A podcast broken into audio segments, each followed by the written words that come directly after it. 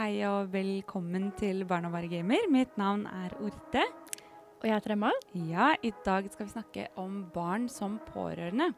Og sammen med oss så er Anne Kristine Berge. Velkommen til deg. Tusen takk. Ja, vi lurer jo først og fremst på hvem du er. Kanskje du kan fortelle litt om deg selv?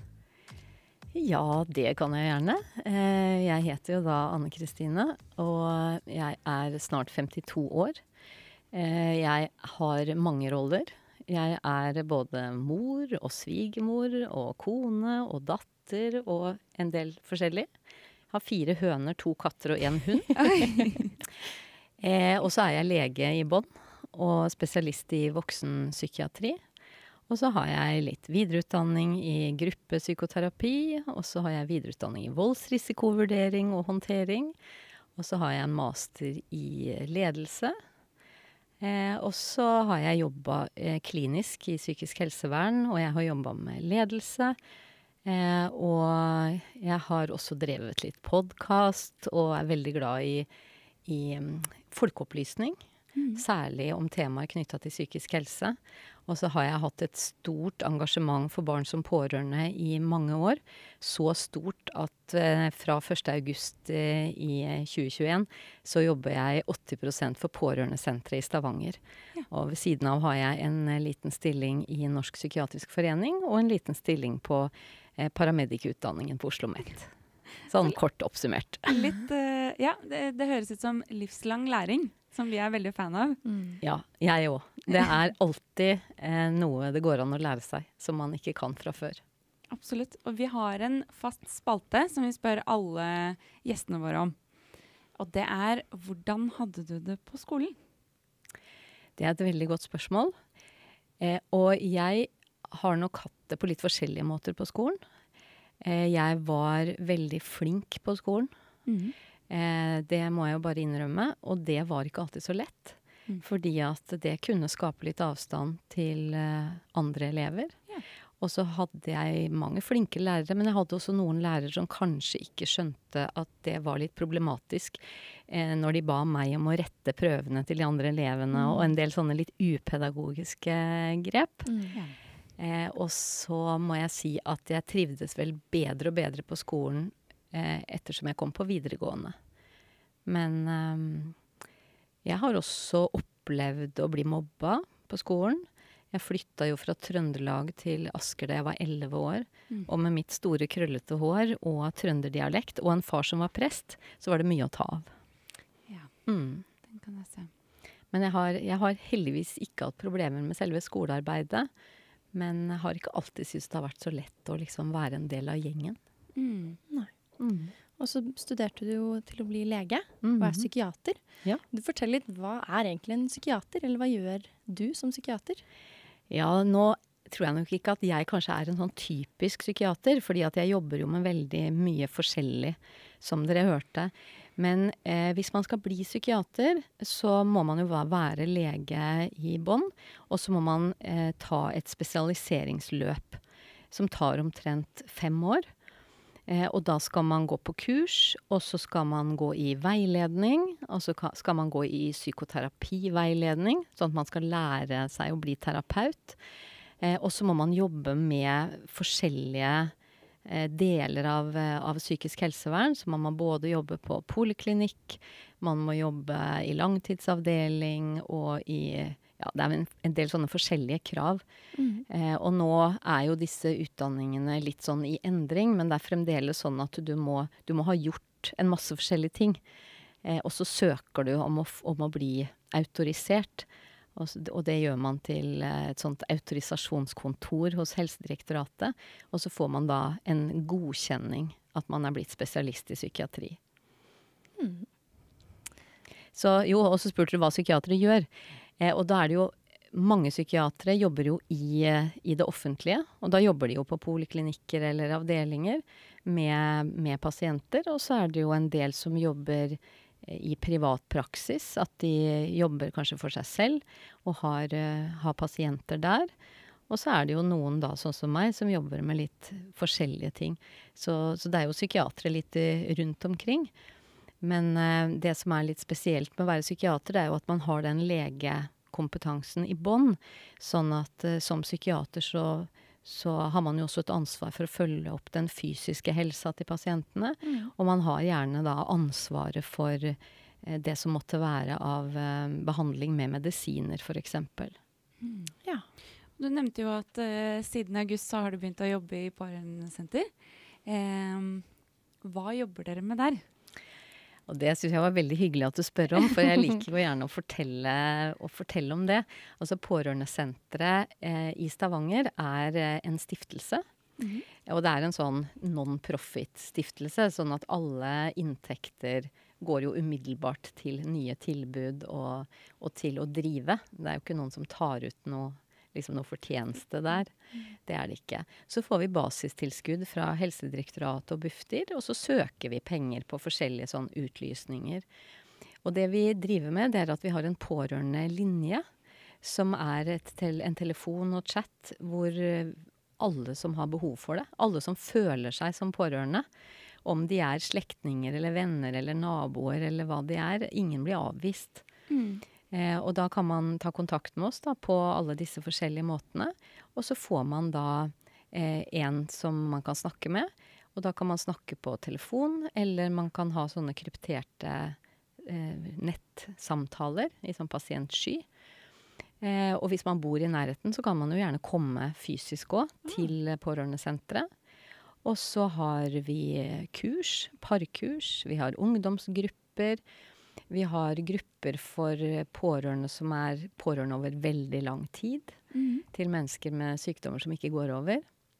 Eh, så driver vi eh, veiledning av kommuner, f.eks.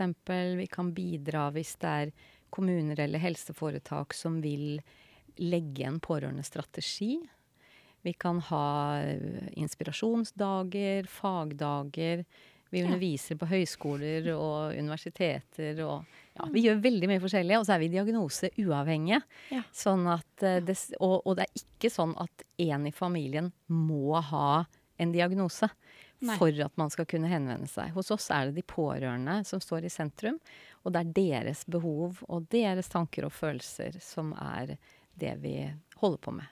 Ja, og du mm. sier jo litt om det, men hva vil det Hvem er en pårørende?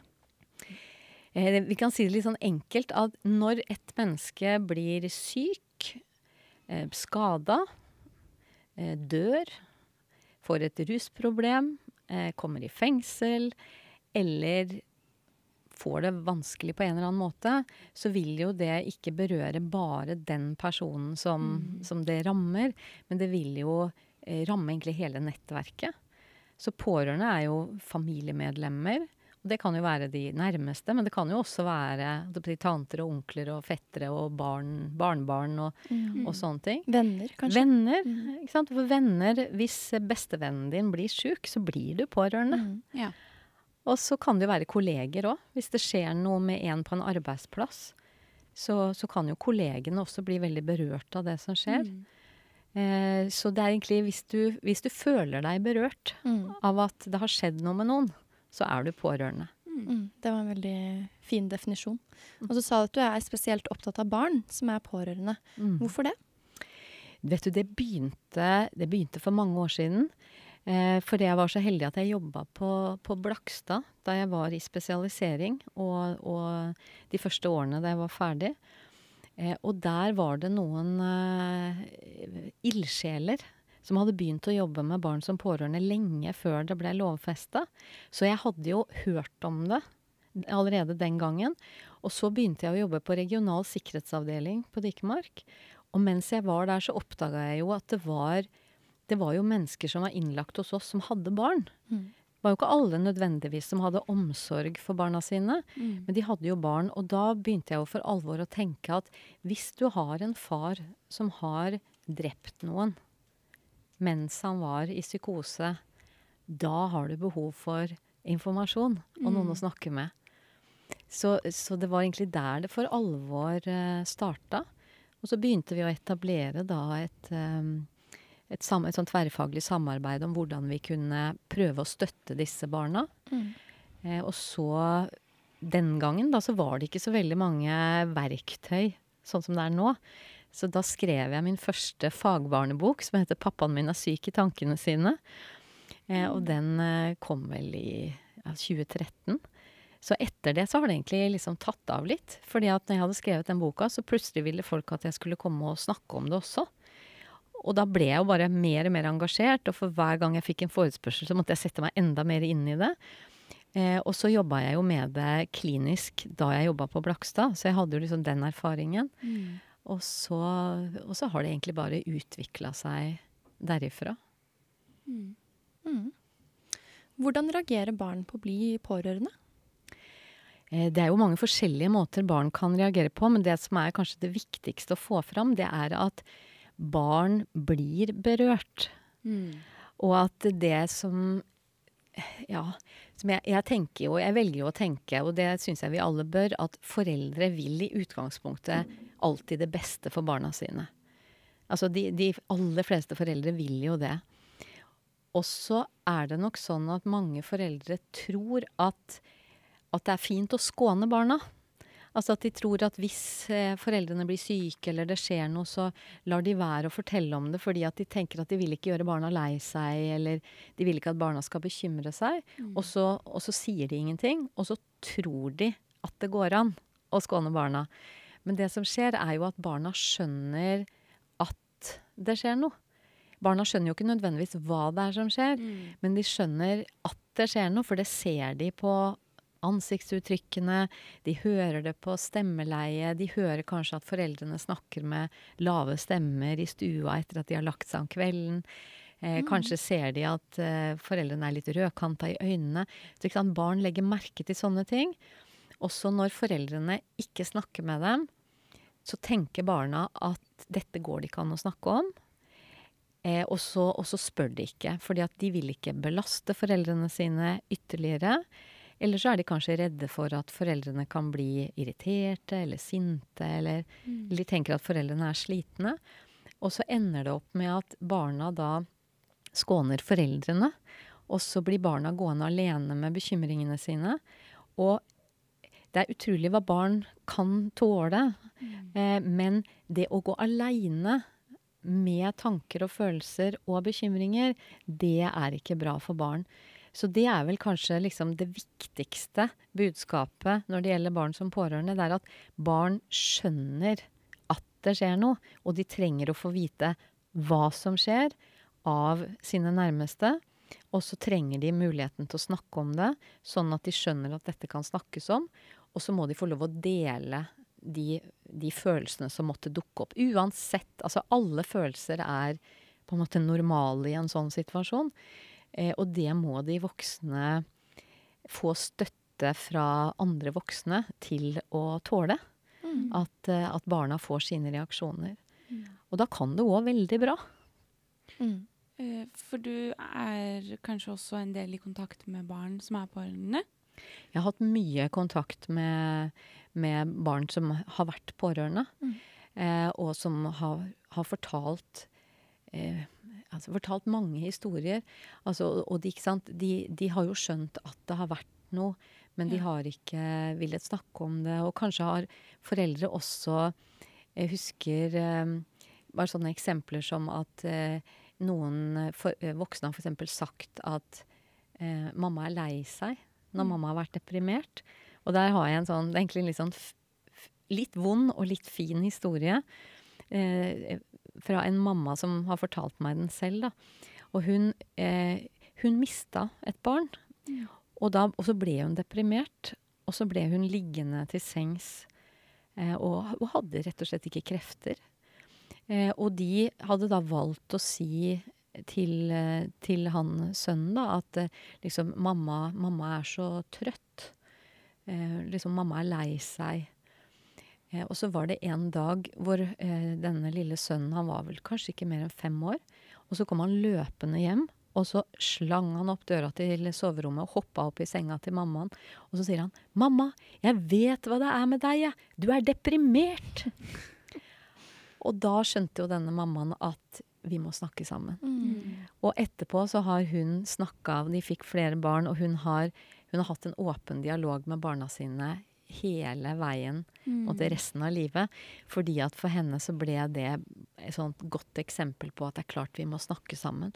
For da hadde denne gutten vært et sted da, hvor noen hadde snakka om hva en depresjon er, og så hadde han kjent igjen mm. alle symptomene mm. som mammaen hadde. Og så plutselig så ga det liksom mening. For det som skjer med barn ellers, det er jo at de lister seg rundt, og så tenker de at kanskje er det min skyld at mamma er så sliten, kanskje er det jeg som bråker, mm. kanskje Altså, sånn er jo barn.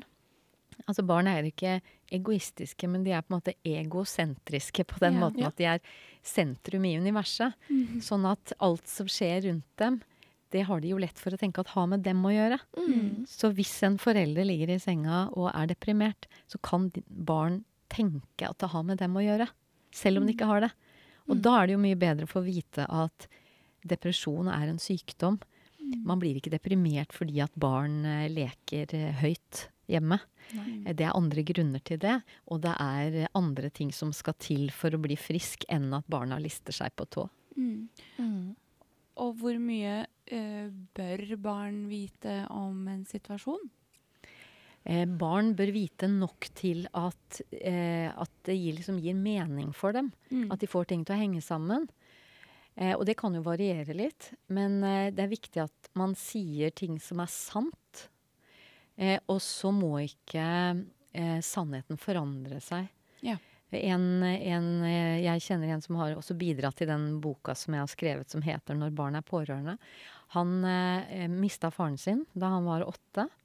Og så fortalte de andre voksne at faren hadde dødd av hjertestans. Og så ti år etterpå så fikk han vite at faren hadde tatt sitt eget liv. Mm. Og for det første så måtte han nesten sørge på nytt. For det var akkurat som sorgen over hjertestansen ikke liksom telte helt mm, ja. når det var selvmord. Og så mista han jo tilliten til de voksne rundt seg. Fordi at da visste jo han at mora hans og tantene og onklene og alle de andre slektningene, de hadde jo visst om selvmordet i ti år uten å si noe. Mm. Så han har jo brukt mange år på å liksom klare å ha tillit til de andre voksne i familien igjen. Mm. Så, så, da tenker jeg at ja, det er brutalt å si til et barn at faren din har tatt sitt eget liv. Men alternativet er ikke bedre. Nei. Og så er det jo ofte vi voksne som har problemer med å si de vanskelige tingene.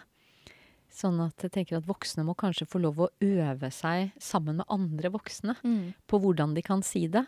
Og så må de være ærlige, og så må de bruke ordentlige ord. Og si sånn 'Pappa sovnet inn'. Det verste som kan skje da, er jo barna blir jo til, redd for å legge seg. Ja, Tenk om jeg ikke våkner. Ja, hva betyr det? Hva betyr det? Mm. Ja. Men jeg tenker at sånne kryptiske meldinger og signaler er jo mer skumle enn sannheten egentlig trenger å være. da. Mm. Og så Derfor får jeg veldig det stikkordet um, psykoedukasjon. Mm. At det er jo viktig at um, den som er syk eller sliter med noe selv, vet hva som skjer. Men like viktig at de pårørende vet og forstår. Uh, og også det med at depresjon er jo ikke det samme som å være lei seg. Å være lei seg er jo ikke farlig. Man skal ikke gå og være redd for sine egne følelser. Men depresjon er jo en sykdom, da. Jeg er så enig med deg. Mm. Og jeg liker det du sier der om psykoedukasjon. Altså det å gi folk ordentlig opplæring og forklaringer på hva en sykdom er, hva behandling er. Jeg tror jo mye av framtida i helsevesenet ligger der. Mm. At vi må sette både den som er syk og alle rundt, bedre i stand til å, å forstå. Mm. Hva er dette, og hva innebærer det? Mm. Og det er jo det barn som pårørende trenger å vite òg. Bare sånn apropos hva, hva, de trenger å vite. Det er jo hvordan påvirker dette hverdagslivet? Betyr dette at uh, pappa ikke kan kjøre meg på fotballtreninga? Uh, betyr dette at uh, mamma ikke kan eh, hente meg på den bursdagen. Altså litt sånn konkrete ting. Og jo yngre barna er, eh, desto mer konkret informasjon trenger de. Mm. Eh, og da må de jo vite det at ok, eh, pappa kan ikke hente på fotballtrening fordi han har fått cellegift i dag og er kvalm. Det er ikke fordi han ikke syns det er spennende med fotballtrening, eller at han har slutta å være glad i deg. Mm. Og det er jo bare å ta et annet eksempel òg som jeg har vært borti, altså det å ha foreldre i fengsel. Mm. Det er jo kanskje noe av det mest måtte, tabubelagte og, og, skamfulle man kan oppleve. Og da var det ei jente som fortalte det at hun hadde sagt til pappaen sin på telefonen 'Å, pappa, skynd deg hjem. Jeg savner deg.' Og så kom ikke pappaen hjem fordi han var pågrepet. Og så gikk jo hun da i mange år hun og trodde at han hadde blitt tatt i fartskontroll fordi han hadde kjørt fort hjem, fordi hun hadde sagt at han måtte komme fort hjem. Og så var han jo tatt for narkotikarelatert kriminalitet. Og så ville ikke de voksne si det til henne, fordi de tenkte det var så fælt å ha en far som var kriminell med narkotika. Men det er klart det er bedre å ha en far som er eh, kriminell med narkotika, enn å ha skylda for at pappa sitter i fengsel. Mm, ja. Så, så vi, vi, må liksom tenke hvordan, hvordan oppfattes det som skjer av barna, og hvilke koblinger er det de gjør. Mm. Og det vet vi jo ikke hvis vi ikke spør. Nei. Hvordan syns barna det er å, å eh, få disse beskjedene, eller å bli snakket eh, til på den måten? Vet du, barn håndterer egentlig eh, ord og språk og forklaringer eh, bra. Eh, det som er nødvendig, er at de voksne som forteller det, har litt kontroll på sine egne følelsesmessige reaksjoner. For, for, det er klart, hvis du skal fortelle noe til et barn, og så bryter du sammen i, i, i krampegråt mens du forteller det, så blir det skremmende for barnet. Mm. Men da er det jo det at den voksne er overvelda av følelser, som er skremmende. Mm. Ikke det som fortelles. Så det er jo derfor det kan være lurt f.eks. da å få hjelp av helsepersonell til å, å øve seg eller finne ut hvordan kan jeg fortelle dette. Og så er det ikke det at det er noe krise hvis man begynner å gråte, men da er det viktig at man sier det at oi, ser du, nå begynte jeg å gråte mens jeg forteller dette. Og det er ikke fordi at jeg forteller det til deg, men det er fordi at dette er egentlig ganske trist. Mm. Og det er trist for meg, og kanskje er det trist for deg. Men det er greit. Mm. Det er ikke farlig å være trist. Sånn at man måtte, tar ansvaret for de følelsene som måtte dukke opp mm. i situasjonen, og ikke overlater til barnet å håndtere både sine egne følelser og den voksne sine mm. følelser. Mm. Mm. Jeg kjenner det liksom når vi snakker om det nå, at når man snakker om de følelsene, så kan de være skumle, men så fort man klarer å sette ord på de, så avverger situasjonen litt. Alt blir litt lettere hvis man mm. finner ikke engang riktige ord, men man finner ord, da. Mm. Og det kan man jo gjøre sammen og øve på, som mm. du sier. Men jeg lurer litt på um, skolen. Barna går jo på skolen, det er en stor del av barnas hverdag. Um, vet du noe om hvordan skolen jobber med barn som pårørende, eller hvordan du tenker at de burde behandle barn som er pårørende? Ja, det er et eh, veldig fint spørsmål. Eh, og det jeg kan si, det er at jeg eh, vet ikke om, om, dere kjenner til det, men eh, regjeringen kom jo med en pårørendestrategi og handlingsplan i desember 2020. Og for første gang, eller kanskje ikke for første gang da, men der står det i hvert fall veldig klart og tydelig at når man jobber med barn som pårørende, så må man involvere barnehage og skole. Mm. Og at selv om ikke kommunen har samme lovpålagte plikt for koordinator for barneansvarlige, så anbefales det sterkt. Og det betyr at hvis vi tenker på skole, da, så, så er jo barnehage og skole en del av de kommunale tjenestene. Og, og, bør jo da ha oppmerksomhet knytta til det med barn som pårørende. Eh, og det er nok litt sånn forskjellig hvordan det gjøres, men noen eh, noen steder så er jo f.eks. helsesykepleier en veldig sentral person i dette. Og kan være litt sånn eh, kanskje mellomperson, da. Mellom eh, helsevesenet og skolen eh, og foreldrene. At man kan ha et samarbeid. Eh, og på noen skoler så, så, så, gjør man bare dette her liksom helt naturlig.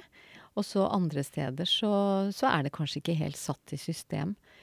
Eh, men det er, det er, veldig viktig at når vi skal følge opp barn som pårørende, så, så er det på en måte alle de viktige voksne rundt barnet eh, som må samarbeide. Sånn at vi oppfordrer jo veldig sterkt at hvis noen er innlagt i spesialisthelsetjenesten, at man tar kontakt med kommunen liksom, mens personen som er syk, er innlagt. Mm. Og, og, nå jobber jo Helsedirektoratet med en sånn familiemodul som skal inn i pakkeforløpene. Og der er det jo samarbeid med de kommunale tjenestene som, som er sånn satsingsområde. Eh, fordi at barnehage og skole, det er ikke noe automatikk i at de får vite at noen i familien er syk. Så når jeg underviser på skoler og barnehager, så sier jeg hvorfor ikke ha det som et fast punkt på utviklingssamtaler? Altså, her på denne skolen er vi veldig opptatt av å, av å se hele barna. Sånn at eh, vi syns det er viktig å vite hvis det er noen hjemme som er syke, eller, eh, eller om en, en besteforelder er død, eller om det skjer noe i familien. For da er det lettere for oss som jobber på skolen å forstå hvis det barnet f.eks. er litt ukonsentrert eller urolig eller eh, kanskje tilbaketrukket eller forandrer seg eller sånne ting. Mm. Men, men, det står ikke noe i lovverket når det gjelder barnehage, eh, barnehager og skoler. Sånn at de har ikke den samme lovpålagte plikten til å følge opp barn som pårørende som eh, helsepersonell har. Mm.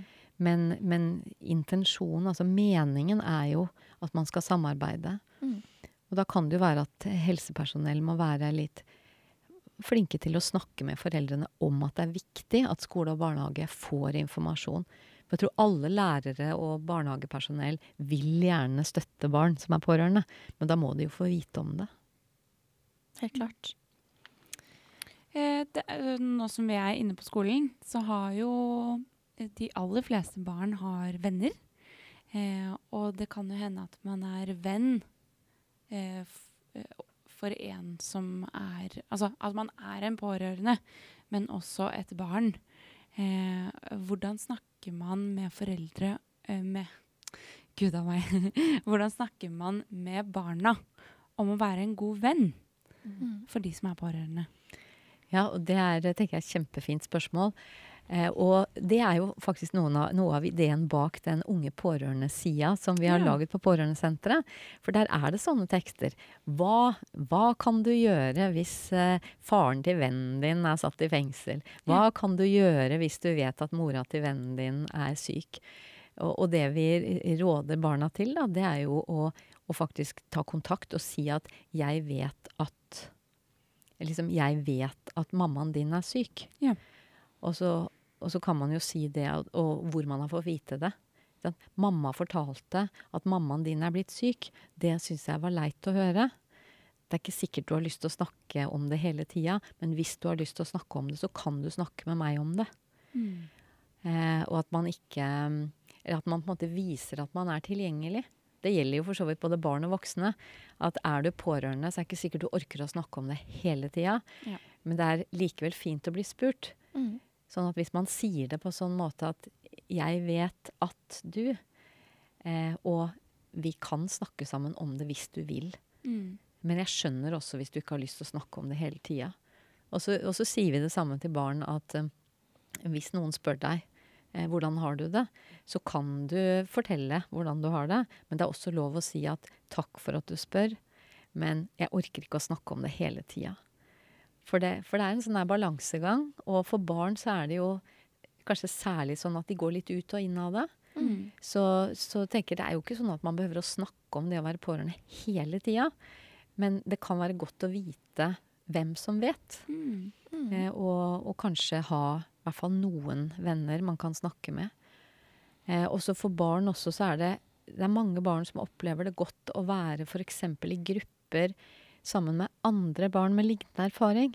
Ja. For det kan både så kan det være vanskelig å snakke om det som er vanskelig, og så kan det være litt eh, vanskelig å ha det gøy òg. Mm. Fordi at man kan tenke at eh, de andre kan jo tro at jeg ikke er glad i mamma hvis jeg leker og ler nå, når de vet at hun har kreft og kanskje dør. For kan det ha en effekt å snakke om helt andre ting eh, også? Ja, man trenger jo pauser. Eh, og, og, det vet man fra disse treffpunktgruppene i Kreftforeningen f.eks. At barna der syns det er mye lettere å ha det gøy med hverandre. fordi at da vet de at de andre forstår mm. at man går litt ut og inn av det. Mm. Og, og, og, det er jo nødvendig. Altså man kan jo ikke han Filosofen Einar Øverenge han sier det så fint at pårørende må ikke leve en ensaksliv. Altså liv som handler bare om å være pårørende. Eh, det er både viktig og helt nødvendig, og ikke minst lov, til å både gå i bursdag og ha det gøy og være opptatt av kjæresten sin og skolekamerater og sånn, selv om det er sykdom i familien. Mm. For ingen er tjent med at man går og, og tenker på det hele tida. Eh, det er jo ikke alltid man bestemmer når man tenker på det og ikke, men, eh, men i hvert fall det å Hvis barn sier at 'å, jeg får så dårlig samvittighet hvis jeg ikke tenker på det', At man kanskje ikke bare avfeier det og sier at nei, men det må du ikke ha, eller det er jo ikke din skyld, men at man sier at å, får du det? Hvor, hvorfor, hvorfor, hvorfor, får du det? Hva er det som gjør at du tenker, tenker du at du må tenke på det hele tida? Og så hvis de da sier at ja, jeg tenker at jeg bør gjøre det hele tida, mm. så kan man jo si at, at ja, tror du at, at mamma som er syk, vil at du skal sitte og være lei deg hele tida? Vil kanskje ikke det. Nei, Og så kan man liksom ha en samtale om det, da. Mm. Så, men å ta, ta, barn litt på alvor. Mm. Eh, og så må man jo orke da, som voksen å være i det at man ikke kan trøste bort alt som er vondt i barns liv. Mm. Det tror jeg er vanskelig for veldig mange. Ja. Mm. Man har jo bare lyst til å ta det bort. Mm. Mm, selvfølgelig. Mm. Men du sa innledningsvis her at du som lege også er opptatt av det fysiske. Så jeg ble litt nysgjerrig på, eh, kan vi se noen på måte, fysiske symptomer av det å være pårørende? Ja, faktisk. Mange. Eh, den eh, pårørendeundersøkelsen som kom nå tidligere i år, viste jo det at pårørende har veldig mye fysiske helseplager. Mm. Eh, kan jo være mye, ikke sant. Du kan ha vondt i magen. Du kan ha trykk i brystet. Du kan ha stive kjevemuskler og stive skuldre. Og så, så, det setter seg jo et sted, ikke sant. Mm. Når, vi, når, vi, går med belastninger over tid, så, så, setter det seg et sted. Og det er jo noe som pårørende kjenner på i stor grad. Mm. Og, og, hos barn så er det ofte mye sånne uspesifikke vondter. Ja. Sånn vondt i hodet, vondt i magen, vondt kvalm liksom sånne litt uh, diffuse ting, da. Hvordan kan vi møte det da, hos barn?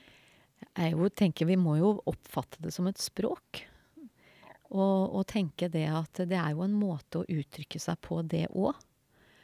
Eh, og, og, selvfølgelig når vi Hvis man liksom skal tenke sånn liksom terapeutisk, så har vi jo ofte et ønske om å prøve å oversette ting til ord. Mm. Fordi at hvis vi oversetter ting til ord, så kan vi snakke om det. Eh, og til små barn så er det kanskje ikke alltid så lett. Men at man, man møter de på en måte kroppslige uttrykkene da, med, med omsorg.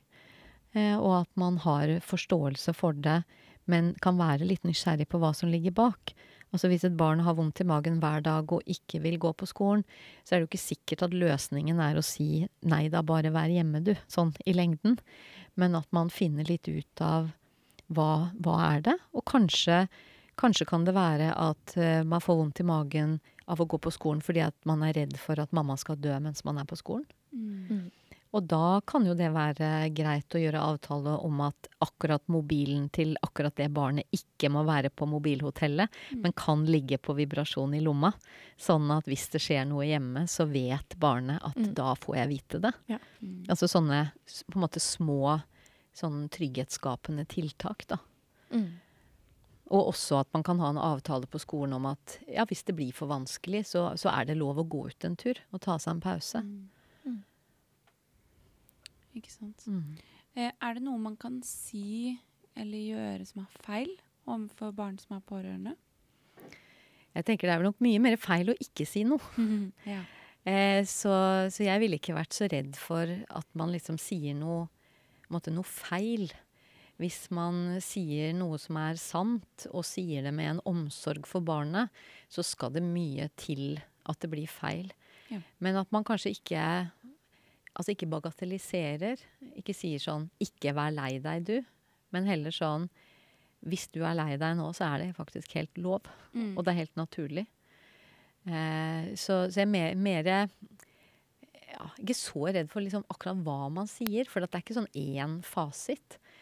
Men, men det å, å, være åpen og ærlig, og heller stotre og stamme litt, da. Og si at vet du nå, jeg har så lyst til å snakke med deg om noe som, som jeg syns er litt vanskelig, og jeg er ikke helt sikker på hvordan jeg skal ordlegge meg eh, helt riktig, men, men jeg, jeg, må liksom bare prøve. Mm. Og kan vi ha en avtale om at hvis jeg sier noen ord som du ikke forstår, så, så, sier du fra til meg, og så prøver vi å finne ut av dette sammen. Mm. Altså at man kan gå litt ut av den måte, ekspertrollen. Mm. Og så heller invitere barnet inn i en, i en dialog. Men, men, selvfølgelig være klar på at det er de voksne til sitt ansvar. Mm. Altså det derre å ja, ha litt kontroll på sine egne følelser og reaksjoner. Mm. eh, i møte med barn. Mm. Ja, for meg som ikke er psykolog, så virker det som at hver gang du kommer med et eksempel, at man setter ord på de følelsene og sier det høyt. Eh, så nå ser du at jeg er litt trist, eller eh, istedenfor å bare anta at vedkommende forstår, så setter man ord på alt som foregår da, i hodet. Ja, for da blir det jo veldig trygt. Mm. Og særlig hvis det du viser og det du sier henger sammen. Mm. Sant? Så, så ser jo barna at ja, dette henger sammen.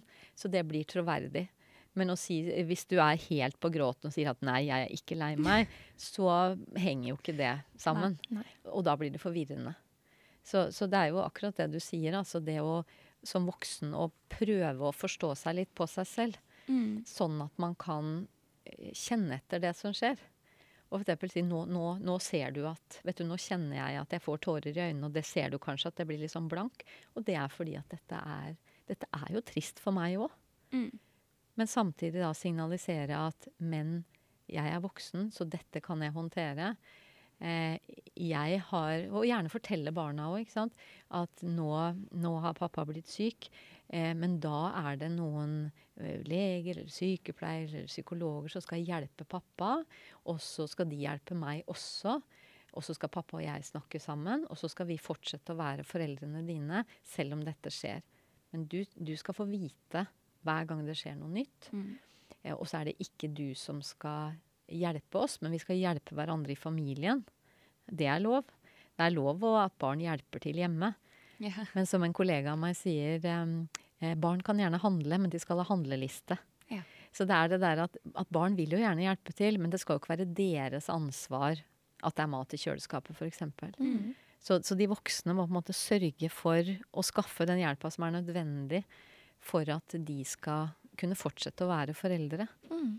Og heldigvis, det fins jo ganske mye fine hjelpe- og veiledningstiltak eh, rundt omkring. Ja, vil du nevne, nevne noen? Jeg, kan, ja, jeg har jo allerede sant, fortalt om pårørendesenteret, hvor man kan, kan få hjelp til å, å snakke eh, om det som er vondt og vanskelig. Eh, så er det jo eh, mange steder i kommunene nå, så er det jo sånn på en måte én telefon inn hvis du er bekymra for barn eller ungdom eller noe. Og der sitter det jo folk som har litt oversikt over hva som finnes i kommunen. Homestart, familiekontakten. Eh, Jeg er så heldig at jeg sitter i, i styret i, eh, der hvor jeg bor, i Asker. Eh, Og det er jo et tilbud som matcher frivillige voksne med småbarnsfamilier som trenger litt ekstra hjelp og støtte. Da kan det altså komme en person, det er mest damer som er frivillige. Da kommer det altså en dame hjem til en familie en ettermiddag i uka, hver uke i et halvt år. Og kan hjelpe til å lage middag eller handle sammen eller gjøre en aktivitet sammen for å avlaste foreldrene litt. Så fint. Så det fins. Det fins jo også veiledningssentre i alle helseregioner. Eh, og, og ja, mange frivillige organisasjoner også kan jo bidra med ting. Mm. Og så vil jeg jo også oppfordre til å Har man det vanskelig i familien, så spør naboen da om de kan svinge bortom med, med snøfreseren. Eh, og ta din gårdsplass òg. Altså, det er utrolig mange som vil hjelpe til. men telepati er litt sånn overvurdert som kommunikasjonsform. Så vil man ha hjelp, så må man faktisk be om det. Mm. Men hvis man gjør det, så er det mange som svarer ja. Mm. Så det vil jeg si til eh, liksom alle, alle som strever, at altså, ta sjansen på å invitere andre mennesker inn i, inn i livet.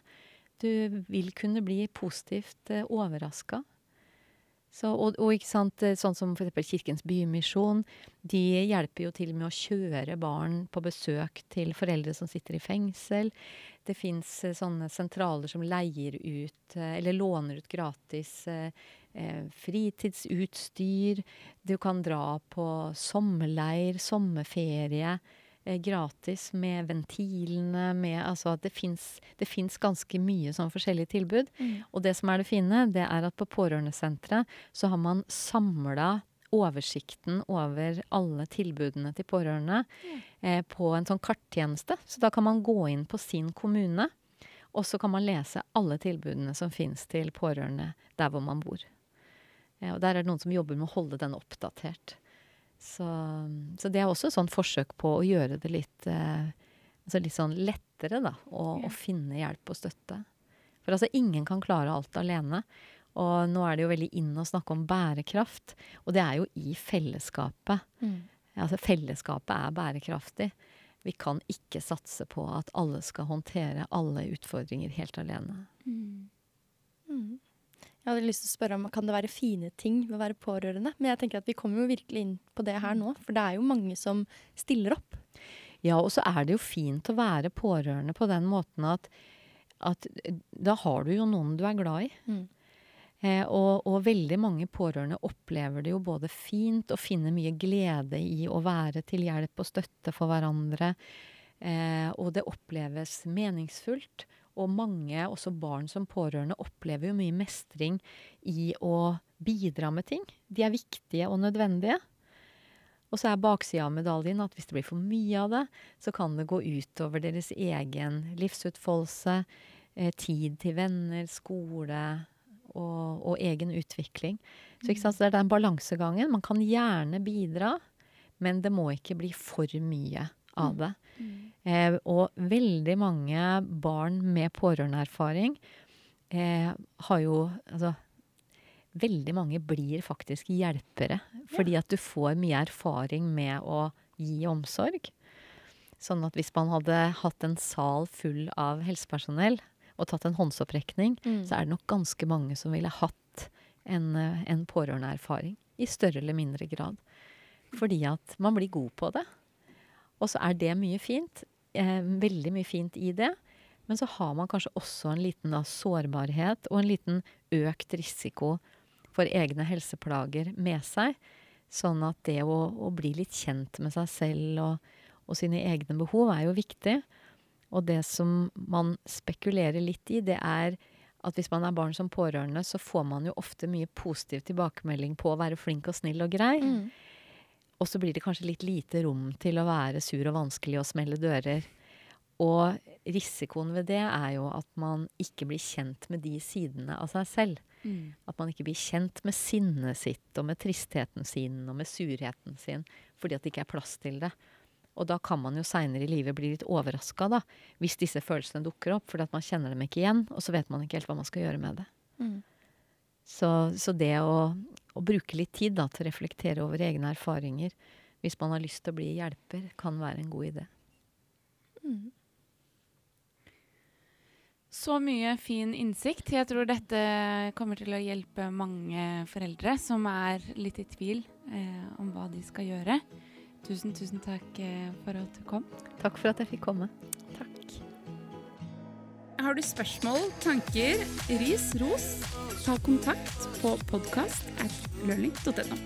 Barna bare gamer er produsert av Kubriks for Learning.